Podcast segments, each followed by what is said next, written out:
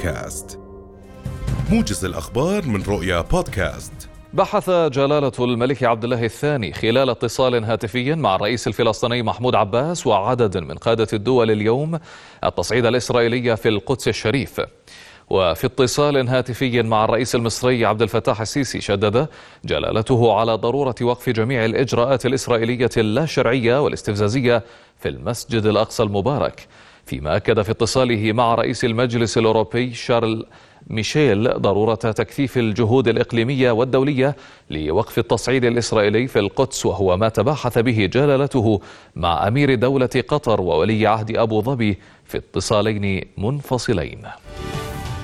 وعلى صعيد متصل استدعت وزارة الخارجية وشؤون المغتربين القائمة بأعمال سفارة تل أبيب في عمان إلى مقر الوزارة وذلك لنقل رسالة احتجاج حول كافة الانتهاكات اللا شرعية والاستفزازية في المسجد الأقصى المبارك والتأكيد على ضرورة احترام حقوق المصلين وممارسة شعائرهم الدينية بحرية ودون أي قيود. وذكر الناطق الرسمي باسم الوزارة سفير هيثم أبو الفول أنه تم إبلاغ القائم بأعمال السفارة رسالة احتجاج لنقلها على الفور لحكومته وتتضمن المطالبة بالوقف الفوري للانتهاكات المستهدفة لتغيير الوضع التاريخي والقانوني القائم في المسجد الأقصى المبارك وفرض التقسيم الزمني والمكاني فيه. واصلت شرطة الاحتلال الإسرائيلي اعتداءاتها على المسجد الأقصى المبارك والمرابطين فيه وسط استمرار اقتحامات المستوطنين لباحاته لليوم الثاني على التوالي فيما يسمى بعيد الفصح اليهودي. وقبل بدء اقتحامات المستوطنين قامت قوات الاحتلال الخاصة بحصار المصلين في المصلى القبلي ومنعت خروجهم ومن ثم قامت بتكسير نوافذ المصلى وإلقاء القنابل الصوتية والأعيرة المطاطية داخله. فيما سمحت شرطة الاحتلال لحوالي 600 مستوطن باقتحام الأقصى والتجول في باحاته بطريقة استفزازية. للتأكيد على وقوف الشعب الأردني إلى جانب أشقائه الفلسطينيين نظمت القوى الشبابية في جامعة العلوم والتكنولوجيا اليوم وقفة تضامنية نصرة للمسجد الأقصى والمقدسيين. المشاركون أكدوا أن الأردن لن يترك الفلسطينيين وحدهم في مواجهة الاعتداءات اليومية في القدس وفي كل الأراضي الفلسطينية كما رفعوا لافتات ورددوا هتافات تطالب بموقف عربي بوجه العدوان الذي يتعرض له المسجد الأقصى. لم تخلو جلسة النواب التشريعية التي عقدت اليوم من مداخلات نواب ورؤساء في الكتل النيابية حول اعتداءات الاحتلال الاستفزازية واقتحامات المستوطنين للمسجد الأقصى المبارك حيث تبنى نائب خليل عطية مذكرة نيابية موقعة من 88 نائبا تطالب بطرد سفير الاحتلال الإسرائيلي من الأردن. رئيس الوزراء بشر الخصاوني قال إن الأردن لم ولن يقف على ضفتين فيما يتعلق بالقدس والمقدسات المسيحية والإسلامية مشيرا إلى رفض الأردن كل التبريرات التي تدعي حق شرطة الاحتلال بفرض زيارات لغير المسلمين إلى الحرم القدسي الشريف مؤكدا أنه حق حصري لإدارة الأوقاف الإسلامية. أكد وزير العمل نايف ستاتيجا أن القطاع الخاص يشكل العامل الأساسي والرئيس لنجاح برنامج التشغيل الوطني.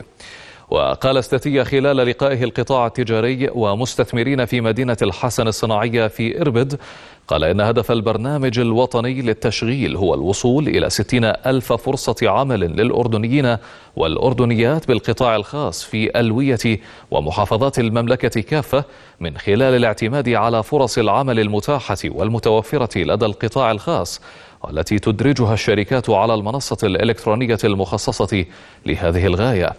وعرض تجار ومستثمرون عددا من المطالب من أجل إنجاح التشغيل الوطني وحل المشكلات التي تواجه البرنامج.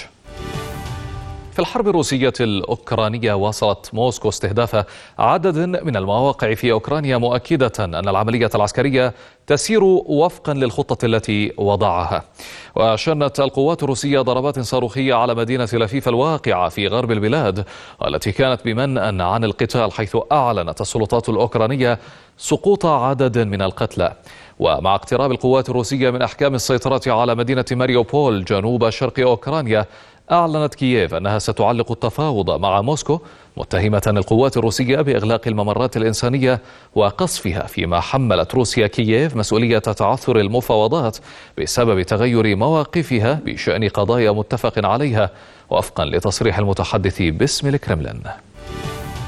هدد الرئيس الإيراني إبراهيم رئيسي باستهداف جيش بلاده لقلب كيان الاحتلال الإسرائيلي. جاء هذا في كلمة له خلال عرض عسكري بمناسبة يوم الجيش الإيراني مشددا على أن أدنى تحرك من قبل الأعداء سيواجه برد حازم وفق قوله. وخلال العرض كشف الجيش الإيراني عن امتلاكه أسلحة ومعدات حربية جديدة من منظومة صواريخ وطائرات مسيرة متطورة. وتأتي تهديدات الرئيس الإيراني في ظل تصريحات متكررة من تل أبيب بأنها لن تلتزم بأي اتفاق دولي محتمل مع طهران بشأن الملف النووي وأنها قد تتخذ إجراءات أحادية الجانب ضد المواقع النووية الإيرانية.